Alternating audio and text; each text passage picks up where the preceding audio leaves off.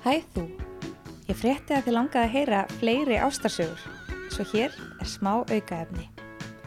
Þessi saga var upprunalega sögð í fyrstu þáttaröðinni sem ég gerði fyrir rás 1, Grár Köttur. Þessi tiltekni þáttur var unnin í samstarfi við hinseginleikan og tekin upp fyrir framann áhörvendur í húsnaði listakonunar Rakel Tómas.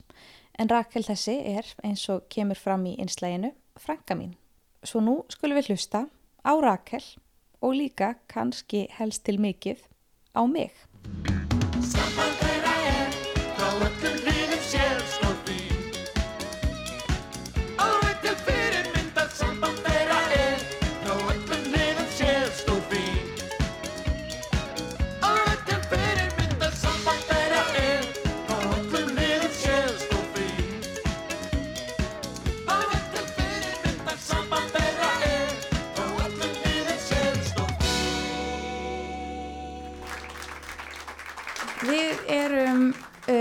Sest hérna núna með gestgjafa okkar hér í kvöld, Rakel Tómasdóttur, gefum henni gott klapp.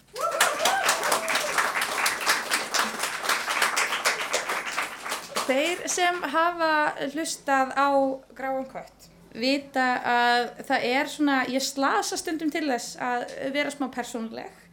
Mín besta persónulega hinsinn saga þar sem að ég er bara ógíslega leiðileg og gaggrið uh, snýr að henni Rakel hérna við Rakel sem sagt erum uh, frængur og alveg ofbáslega góða vinkunur við raunum á að segja að okkar vinótt að hafi svona stækka til muna þegar að Rakel kom út úr skápnum Alltaf. kannski byrjir á að segja frá því hvenar þú áttaði fyrst á því að þú væri samkynning.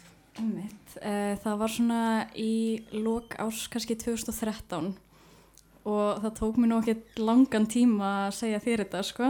þú hafði samt hugsað til þess svona áður Jú, algjörlega. Ég hérna, mín svona allra fyrsta minning er bara þegar ég kannski 5-6 ára eða eitthvað svoleiðis og ég er einmitt eitthvað að bara fylgjast með mömmu, vera að gera sér til eða eitthvað svoleiðis og ég man að ég hugsaði, vá það er smá leiðilegt að ég muni þurfa að eignast mann þegar ég er stór en ekki en ekki konu já.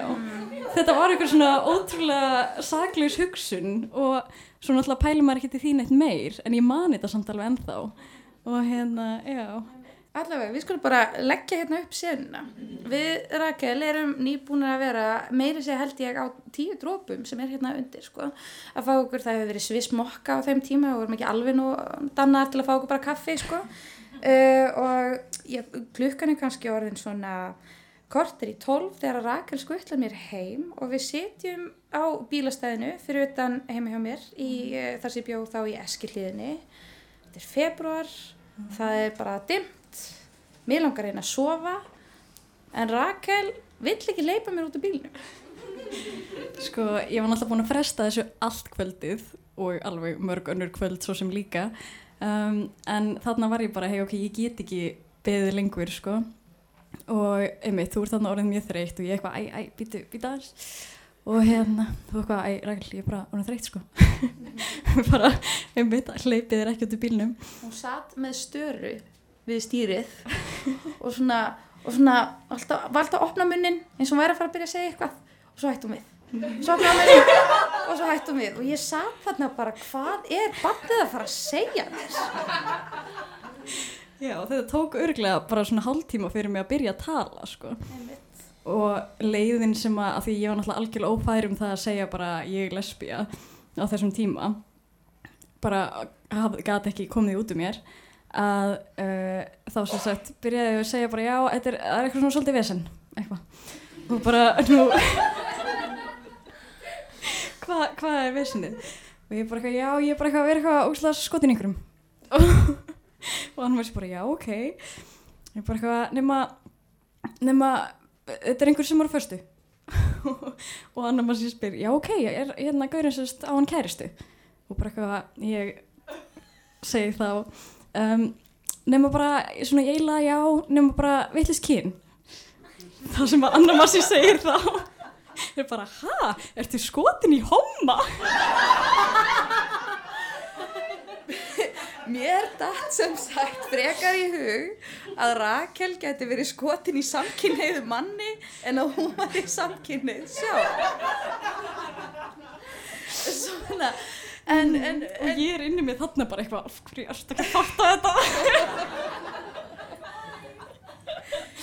Og svo segi ég bara æ, þau eru bara snúið svo einu sinni við þá kom þetta. Þá kom Loksins. þetta þá skildi ég. Og, og skildi náttúrulega í því af hverju þetta hefði verið svona erfitt sko. Fyrir eh, svona mig sem streitmannisku sem hefur átt fullt af samkynniðum vinum í gegnum tíðina og að þá fannst mér það bara svona virka eins og það væri bara svolítið fjör að koma út úr skápnum. Mér hefur alltaf langað til þess að koma út úr skápnum. Rosa, ég myndi gera það svo dramatíst sko oft hugsa það, ég ætti kannski bara að koma úr skápnum sem gagkinni, þannig að nú vitið þið það. Öll sem siti hér. Ég er gagkinneið og ég skammast mín ekki neitt. Og þó. Allavega.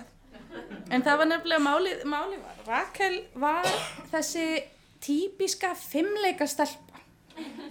Og hún er alltaf, alltaf bent á Rakel. Hún er svo sæt og prúð og, og góð og hún er alltaf að teikna uh, og manni, þetta er henni ekki í hug. Ég hafði velt því fyrir mér af því að Rakel hafði aldrei tjáðneitt áhuga á karlmönnum eða kvennmönnum að hún væri kannski asexual.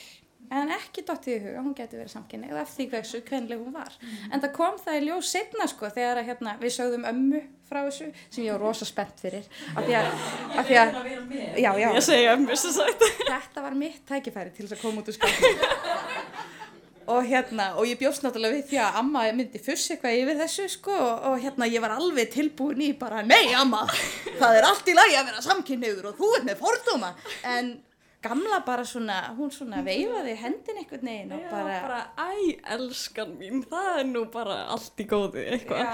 Kom ykkur svona í einhverjum svona tón, sko, og þessi handarreifing hérna, æ, elskan mín.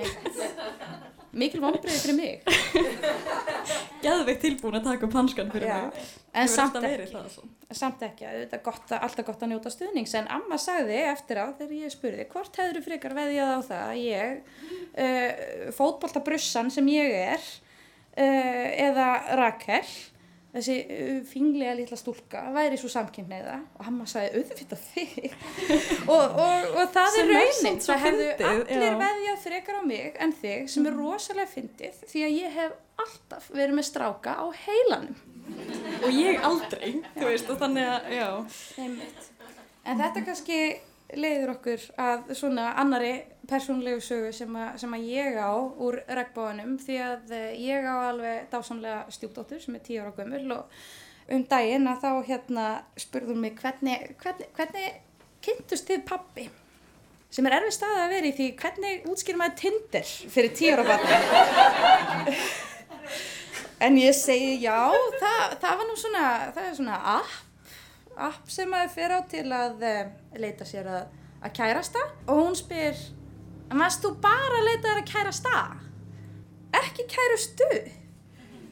Og það var ótrúlega skrítið að útskýra fyrir barninu sem er jafn gömul og þú hefur verið þegar þú horfður á mömmu þína og hugsaðir, ég vildi að ég geti haft konu en ekki mann þetta barn það spurði mig, þú veist, ég þetta útskýra fyrir því að sumt fólk væri bara gagkinnmitt sem er einmitt já, ótrúlega furðulegt en, en samt svo dásanlega ánægulegt að vonandi er hún ekki að föst inn í þeim ramma sem að þú varst föst inn í Og magnaði þetta hafi bara, það bara var ekki einu svona hugsun um að það væri bóðið, sko. á þeim Þegar, nei, á þeim tíma.